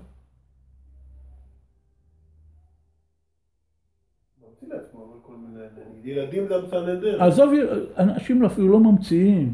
רוב האנשים, תשאל אותו, תגיד, מה לדעתך סיבת תכלית קיום הבריאה? הוא יגיד לך, וואלה, לא יודע. הוא לא פתאום יגיד לך בשביל להוליד ילדים. אתה מבין? הוא לא יתחיל להמציא לך המצאות פילוסופיות. אומר, לא יודע. אבל מה אתה חושב, יש? בטח שיש. עכשיו, זה, זה טמון בעומק ה... ילדים, אז ילדים בשביל שהילדים שלהם יעשו ילדים. בדיוק, כן. לא, מהרגע שיש לך, פתאום הופכים לאיזה... האמריקאים המציאו אוסף קלישאות מחריד בדבקותו לכל הדבר הזה. זה ידוע המשפט, אחד המשפטים הראשונים, מגילת העצמאות האמריקאית. שאומרים שיש לאדם זכות, כן, the pursuit of happiness, כן, הרדיפה אחרי העושר. זה יסוד התרבות האמריקאית, שצריך לתת לכל אדם זכויות, חופש וכלים, כדי שיוכל לקיים את תכליתו. מה תכלית האדם לפי מגילת העצמאות האמריקאית? הרדיפה אחרי העושר, כן? כמובן שאז נשאלת השאלה מה זה עושר, וזו שאלה קצת יותר קשה ואין שם תשובה במגילת העצמאות האמריקאית. מה זה עושר? כן? אז הם המציאו תרבות שלמה שכאילו אם יש לך כסף והצלחה וכבוד אז uh, אתה מאושר, אבל המציאות מראה בדיוק ההפך.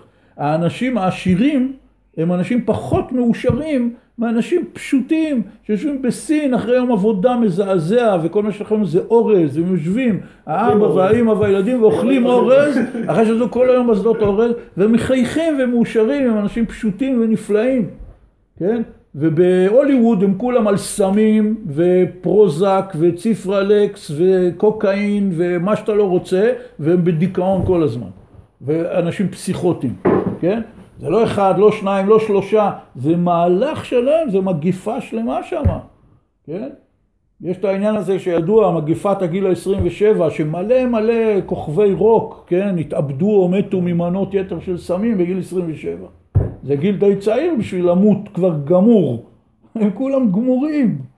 או אה, כל האלה שפתאום התקפות פסיכוטיות, מוסדות גמילה, בלאגנים, מה קורה פה? אתם האנשים הכי מאושרים בעולם, אתם יפים, אתם עשירים, אתם מפורסמים, כל המודלים שאתם שמתם לנו, מה זה נקרא להצליח ולהיות מאושר, כן?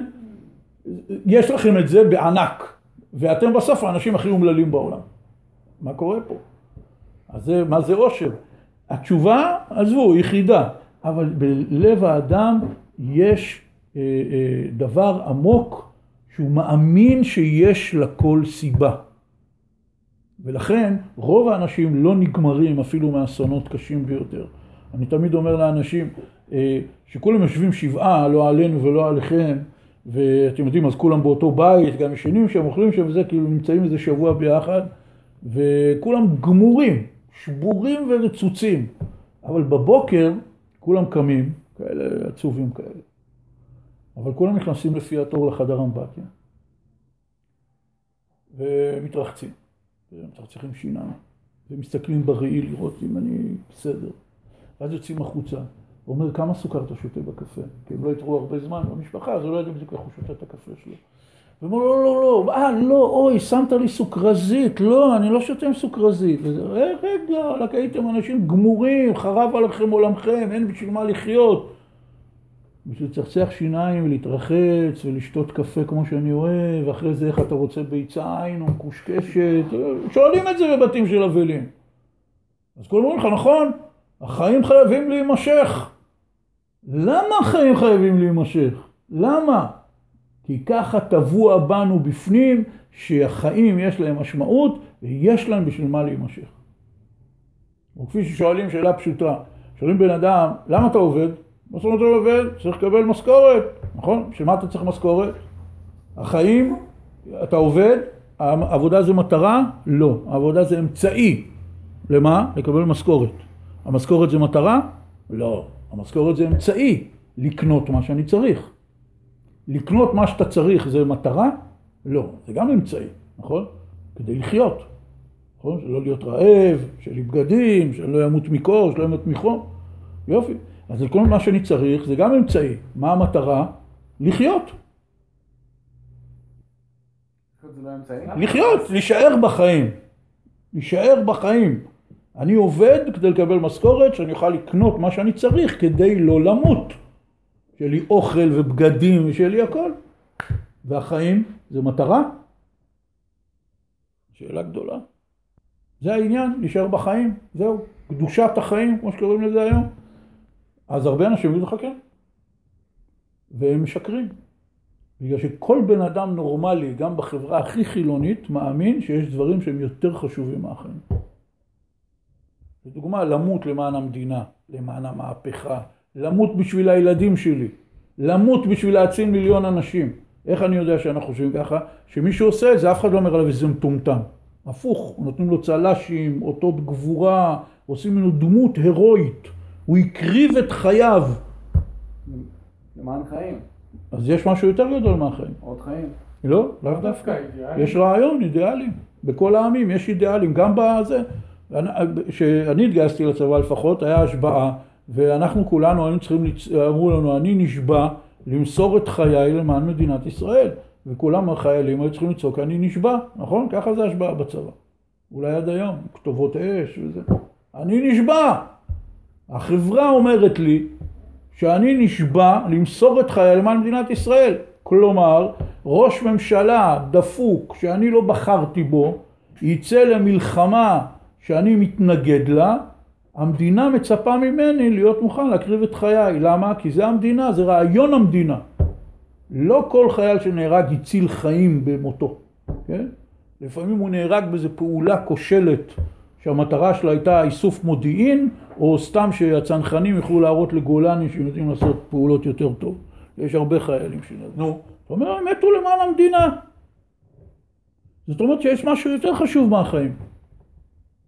הילדים שלי, לדוגמה, יותר חשובים מהחיים שלי. כי אני מוכן למות בשבילם. זאת אומרת שהילדים יותר חשובים מהחיים. ממילא יוצא שהחיים שלי זה לא הדבר הכי חשוב. החיים הם גם כן אמצעי, הם לא מטרה. מה המטרה? או, זה שאלת המיליארד דולר.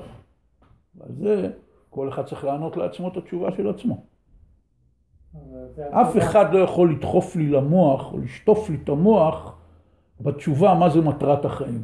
זה דבר יותר מדי עמוק, שיש לו השלכות מאוד מאוד עמוקות על כל דבר שאני עושה בכל ימי חיי. מה מטרת החיים? בשביל מה אני חי? זו שאלה שכל אדם צריך לתת תשובה לעצמו. הוא יכול להיעזר במקורות, כן? פילוסופיים, דתיים, רוחניים, מה שהוא רוצה. אבל תשובה הוא חייב לעצמו. ובזה יש קונצנזוס מלא בין כל השיטות והתורות והתרבויות והפילוסופיות שנוצרו אי פעם. שהאדם שלא שואל את עצמו בשביל מה הוא חי, אז הוא בן אדם פוספס. יש שאלה. מי שלא, מי שחושב ככה לא כתב ספר. מה זאת אומרת? אה, אוקיי. בכל מקרה, זאת השבת. באה השבת, באה המנוחה. המנוחה זה דבר שעומד בפני עצמו, והוא דבר הרבה יותר עליון מהמעשה. היוון, היוונים לא מאמינים בזה. מספיק להסתכל על הדת היוונית, על הרוחניות היוונית, נקרא לזה ככה. דהיינו ככה מדי פעם תקראו קצת את המיתוס היווני עם האלים. זה טלנובלה ברמה מאוד נמוכה, אני חייב להגיד לכם, מאוד נמוכה. שהסעירה את דמיונם ומיליונים אנשים הלכו לפי הדת המטופשת הזאת, כן? הם לא מאמינים ברוחניות. הם מאמינים במלחמות, בניצחונות, בכסף, בכבוד, בלכבוש נשים, בלכבוש ארצות, זה הרוחניות היוונית. תאמינו לי, כל שבט אינדיאני מוזנח היה במדרגה הרבה יותר רוחנית מהיוונים, כי היוונים קידשו את הגוף, את החומר, את היופי, כן? זאת השבת. וקידוש החודש. קידוש החודש כנ"ל. אנחנו מאמינים שאפילו את הזמן האדם קובע. בכל תפיסה, אם זה של הטרגדיה היוונית או של הפילוסופיה היוונית, האדם הוא עבד של הזמן. הזמן, הגורל, נקרא לזה ככה, הגורל. אצלנו התורה נתנה לנו לקבוע את התאריכים שהם התחנות בזמן, כמו שם השיעורים שאנחנו נמצאים פה. יש לנו תחנות בזמן, שלושת הרגלים, ראש השנה, יום כיפור ושני חגים שחז"ל קבעו, חנוכה ופורים. אלה תחנות בזמן, התחנות האלה זה מקדש ישראל והזמנים. למרות שיוון העתיקה, ובזה נסיים, למרות שיוון העתיקה היא לא הייתה מדינה חופשית, היא הייתה מדינה חופשית רק למיעוט של האליטה, כן? הנשים והעבדים והעניים הם היו תת אדם, גם ברומא אגב, ערש הדמוקרטיה, שזה, ברומא הייתה זכות בחירה רק לעשירים הגברים המיוחסים. רוב ככל העם הם היו או פלבאים, מה שקראו, עניים, משוללי זכויות, או עבדים, או נשים, כן? אז זה לא ממש בחירות דמוקרטיות, אבל אפילו המילה דמוקרטיה היא באה מלטינית של, ה, של הרומאים, אבל אצלהם הדמו, כלומר העם, דמוקרטיה זה שלטון העם, הדמו זה היה רק המיעוט המיוחס. אבל עדיין בואו נדבר על המיעוט המיוחס אצל היוונים, גם אצל הרומאים. הם היו אנשים חופשיים, והם המציאו את מושג החופש, כן? עד היום לשבת ערום עם זר עלי דפנה על הראש, עם כוס יין ענקית ככה, סבבה, זה תמונה של משתה יווני, כן? ועד היום המסיבות הכי איניות הן בעצם חיקוי של מה שאנחנו מכירים בראש מתמונות, ציורים וסרטים של המשתה היווני, כן? זה השיא השיאים שלהם, זה היה המשתה. וזה בדיוק כל העניין של חנוכה. בחנוכה, עם הקידוש החודש, כלומר הכנסת משמעות בזמן על ידי האדם, והשבת, שהיא משהו שהוא בא מעליי, שהוא התכלית של הכל, הוא, הוא יסוד הכל והוא מטרת הכל, וברית מילה, שזה שאני, המוח שולט על הגוף, המשמעות יותר חשובה מהגוף והיצרים שלו, כל זה, זה מסתכם במשפט אחד שאמר פעם יהודי חכם, ויקטור פרנקל, שהיה פסיכואנליטיקן ופילוסוף גדול, המציא את שיטת הלוגותרפיה, ופעם הזמינו אותו לתת אה, הרצאה בארצות הברית, שהשיטה שהוא היה יהודי אוסטרי, ניצול שואה, הזמינו אותו לארצות הברית ששיטת הלוגותרפיה שלו זה סוג של שיטה בפסיכואנליזה, טיפול פסיכולוגי, טיפול על ידי משמעות. הוא, הוא כתב את הספר האדם מחפש משמעות, ספר מאוד מאוד ידוע. אה, לוגוס זה משמעות, לוגותרפיה זה ריפוי על ידי משמעות. הוא המציא שיטה אה, לטפל בבעיות נפשיות של בני אדם על ידי שנותנים להם תקווה ומשמעות לחיות. זה בעצם הלוגותרפיה. אבל זה צדדי. הוא הזמין אותו לארה"ב. כמה שנים אחרי השואה, שהשיטה שלו מאוד התפשטה, הייתה פופולרית בארה"ב, ואז הוא אמר להם ככה, אתם אומה מאוד חשובה. וכל העולם נושא את העיניים אליכם. כי אתם בניתם על החוף המזרחי, בניתם את אה, פסל החירות. ויש לזה משמעות אדירה לכל האנשים בעולם, כן? פסל החירות, החופש. לא בנו אותו. בסדר, הם הציבו אותו. על ה... הוא אמר, הגיע הזמן שתבנו על החוף המערבי את פסל האחריות. כי זה מה שחסר בתוך התרבות המערבית. זה צריך להיות, זה צריך להיות שילוב של חירות עם אחריות, כן? חירות עם גבולות. כיוון שכולם מאמינים בגבולות, אבל שמאוד מאוד הרחיקו את הגבולות, כן? אז וזה בעצם העניין של חינוך. מה זה חינוך? חינוך הוא בדיוק השילוב של חירות ואחריות. כי מצד אחד חינוך אמיתי זה רק אם תיתן לילד לזרום לפי הכישרונות שלו, לפי הנטיות שלו, נכון? חינוך שכופה על ילד מקצוע או כיוון שלא מתאים לנטיות ולאופי שלו, אתה הורג אותו, כן? חינוך צריך לתת לילד לפרוח ולזרום בכיוון שלו, כמו ששלמה המלך למד אותנו, חנוך לנער על פי דרכו. מאוד חשוב, לא על פי דרכך, על פי דרכו. זאת אומרת, בשביל לחנך אתה צריך להכיר את החניך. זה דבר ראשון. אחרי שאתה מכיר את החניך, אז אתה יודע מה דרכו, ואז אתה יכול לחנך אותו על פי דרכו. אבל אם אתה לא מעניין אותך מי הוא ומה הוא ומה הסיפור שלו, אני רוצה לייצר שטנצים, כן? אז uh, קורים תאונות חמורות, כי החינוך לא מצליח. חנוך על פי דרכו זה חירות. אבל צריך שיהיה אחריות, צריך שיהיה כיוון. כמו בכל דבר שצומח מעצמו, אתה צריך לתחום אותו בתוך איזה תבנית, בתוך איזה מקום, או מים. מים הם זורמים חופשי, נכון? אם לא תחצוב תעלות ולא תכוון את זרימת המים בכיוון הרצוי, אה, יהיה הצפה והמים אה, יחריבו הכל. ככה זה גם כוחות הנפש של האדם. מצד אחד זה איזון מאוד עדין, מצד אחד האדם צריך את החירות לפתח ולזרום ושכוחות הנפש לא ילבלבו וינבטו ויצמיחו משהו. אבל הוא חייב שיהיה לו גם אחריות לעצור את כוחות הנפש האלה ולעשות את זה בתוך מסגרות ערכיות כאלה שלא יגרמו לכוחות הנפש האלה להחריב אותו, כן? כמו שאנחנו רואים על הרבה אנשים, שאם אין להם את האחריות, אז עצם הכישרונות שלהם והכל הורג אותם בעצמם, כן? והנקודה הזאת היא מאוד חשובה, וזה העניין של חנוכה, וזה בדיוק ההבדל בין תרבות יוון לתרבות ישראל, שמצד אחד יש מושג של חירות, יש מושג של יצירה, אבל צריך אחריות. האחריות היא נקבעת לפי עקרונות ערכיים, ולפי עקרונות ערכיים כאלה שיכולים להסביר את עצמם. ולא, לדוגמה, אם אה, יבוא ילד וישאל את אבא שלו שאין לו שום ערכים עליונים, יגיד לו, אבא, למה אסור לגנוב? שאלה טובה, לא? אסור לגנוב, זה כולנו מסכימים. למה? התשובה השכלתנית, יעני, זה מה יקרה אם כולם יהיו גנבים? זו תשובה מטומטמת, בגלל שגם גנב לא רוצה שכולם יהיו גנבים. הגנב רוצה שכולם יהיו ישרים, והוא יישאר הגנב היחידי, נכון? אם יש גנב שגנב משהו והחביא את זה באיזה זולה, ולמחרת הוא רואה שמישהו בא וגנב לו את זה, הוא אומר, תראה איזה עולם, תראה מה זה, איזה גנבים. מה קרה? אתה בעצמך גנבת את זה. הוא אומר, לא, אני, אני הגנב היחידי, רק לי מותר לגנוב, אני לא מוכן שיגנבו ממני. גנב לא רוצה שכולם יהיו גנבים.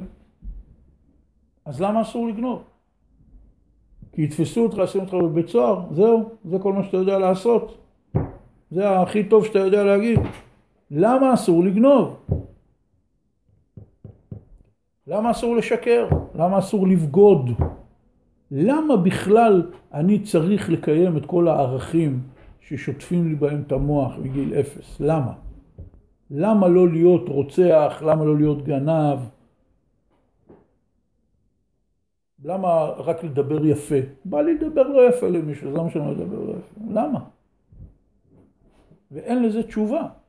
במערכת ערכים אין לזה תשובה. אם היא תיתן איזושהי תשובה שלא תהיה, זה תמיד תהיה תשובה מומצאת, שאם אתה כן, אם אתה מסכים אז כן, אם אתה מסכים אז לא, וזה מה שנקרא בפוסט מודרניזם, יש נרטיבים, אין אמת. יש נרטיב מסוים.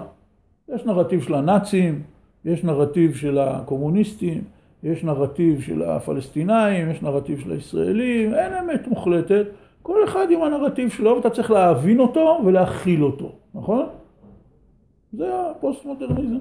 וכמובן שזו שיטה שהיא לא מחזיקה מים. כי יום אחד הוא קם עליך וגומר אותך. אתה אומר, בסדר, איך תכיל את זה?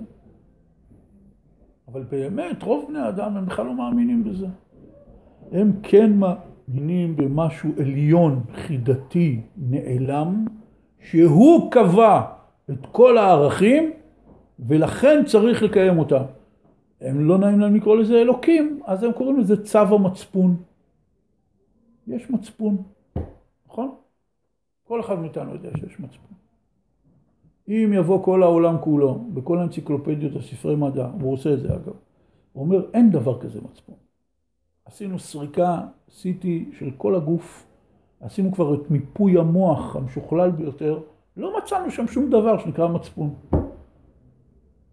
בסדר, אתם לא מצאתם, אני מרגיש שיש לי מצפון, נקודה. יש לי מצפון. אני עושה משהו נגד המצפון שלי, אני לא טוב לי עם עצמי. אם אני עושה משהו לפי המצפון שלי, אני שלם עם עצמי, אני מרגיש נפלא. מה זה המצפון? מי קבע אותו? זה הכל חידות. מה שמעניין אותי שהוא קיים. אני חי לפיו. רוב האנשים חיים לפי צו המצפון. להתחיל להגדיר את זה משפטית, פסיכולוגית, מדעית, זה עוד עניין, וניסו להגדיר את זה. יש מושג של צו המצפון, יש מושג של צו המוסר, שהוא עליון, לא שייך להקשות עליו קושיות, הוא קיים וזהו. אפילו בבתי משפט יש דבר כזה. יש מושג של מוסר אנושי, שאי אפשר לפתוח עליו דיונים. אי אפשר לפתוח עליו, הוא אקסיומה, הוא אמונה דתית. יש מושג כזה, להרוג ילדים. להרוג ילדים זה קו אדום. למה? מה ההבדל בין זה שאתה הורג ילד או הורג מבוגר? מה, מה איזה? אומר לא, כי הוא לא יכול להגן על עצמו. והמבוגר הלפלף הזה כן יכול להגן על עצמו. זאת אומרת, רק אם אני הורג אנשים בריונים ברמה שלי, אז רק אז אני נקרא רוצח? מה זה שטויות? למה אסור להרוג ילדים? בין תרבויות אבל. אין תרבות שמותר להרוג ילדים. אתה יכול גם להגיד שלעשות, אה, שלחתוך לילד את האיבר המין שלו. לא חותכים את. איבר המין, חותכים אה, דלדול בשר מיותר. סבבה, זה גם יכול להיות מאוד, אה, זה נכון. בתרבויות מסוימות מאוד, נכון מאוד, ו- יוון לדוגמה. נורא ואכזרי. אכזרי זה המצאות של השמאלנים של ימינו. אף אחד לא מדבר על שמאלנים. אתה מבין? זה לא זה. אני אומר, זה דבר מיותר. בסדר, על הכיפאק. להרוג ילדים, יש קונצנזוס כללי בכל התרבות האנושית, שזה יותר חמור ומזעזע מאשר להרוג מבוגרים. מבחינה הגיונית אין לזה שום הסבר. שום הסבר. למה להרוג זקנים וילדים זה יותר חמור מאשר להרוג צעירים ויפים? מה, מה ההבדל? אין שום הבדל. זה משהו שכולנו מרגישים בפנים, לא יודעים להסביר אותו, אומרים, תשמע, אני לא יודע כלום, תעזוב אותי עכשיו מההתפלספויות. זה לא בסדר, נקודה. זה לא מוסרי. זה לא מוסרי. למה לגנוב מניצולי שואה זה יותר חמור מאשר לגנוב מאוהדי כדורגל? כי משהו במצפון שלנו אומר שמישהו שסבל כל כך הרבה, לגרום לו סבל נוסף, זה גועל נפש. ואפילו בבתי משפט משתמשים בביטוי הזה. יש מושג כזה של צו המצפון, של מוסר אנושי. ואנחנו כולנו דתיים. אנחנו חיים לפי המצוות של המצפון. פשוט מאוד. וכל התהליך, שזה צריך לדבר על זה בנפרד, לדעתי כמובן, כל התהליך של גילוי האלוקים, הניסיון להידבק בו ולחיות על פי מצוותיו, מה שנקרא היום חזרה בתשובה, זה פשוט שבן אדם מתחיל לשים לב למצפון שלו, זה הכל. כאן זה מתחיל. אני מפסיד, המצפון שלי זה הדבר הכי חשוב שיש לי בחיים, ולא חשבתי עליו אף פעם יותר משתי דקות רצוף. זה דבר לא הגיוני, לא טבעי, לא תקין. אז מה שאני צריך לעשות זה להתחיל לשים לב למצפון שלי. קודם כל לראות שהוא קיים. אחרי זה להתחיל לעיין בו, לדפדף בדפים שלו, לראות מה כתוב בו, להתחיל לחשוב אולי מי כתב את מה שכתוב בו, אולי יש לי דברים מיותרים, אולי דברים לא מיותרים, אולי יש דברים שחסרים, אבל זה העניין הוא כי זה העיקר העיקרים. זה להתחיל לגלות המצפון. זה האחריות. האחריות זה המצפון.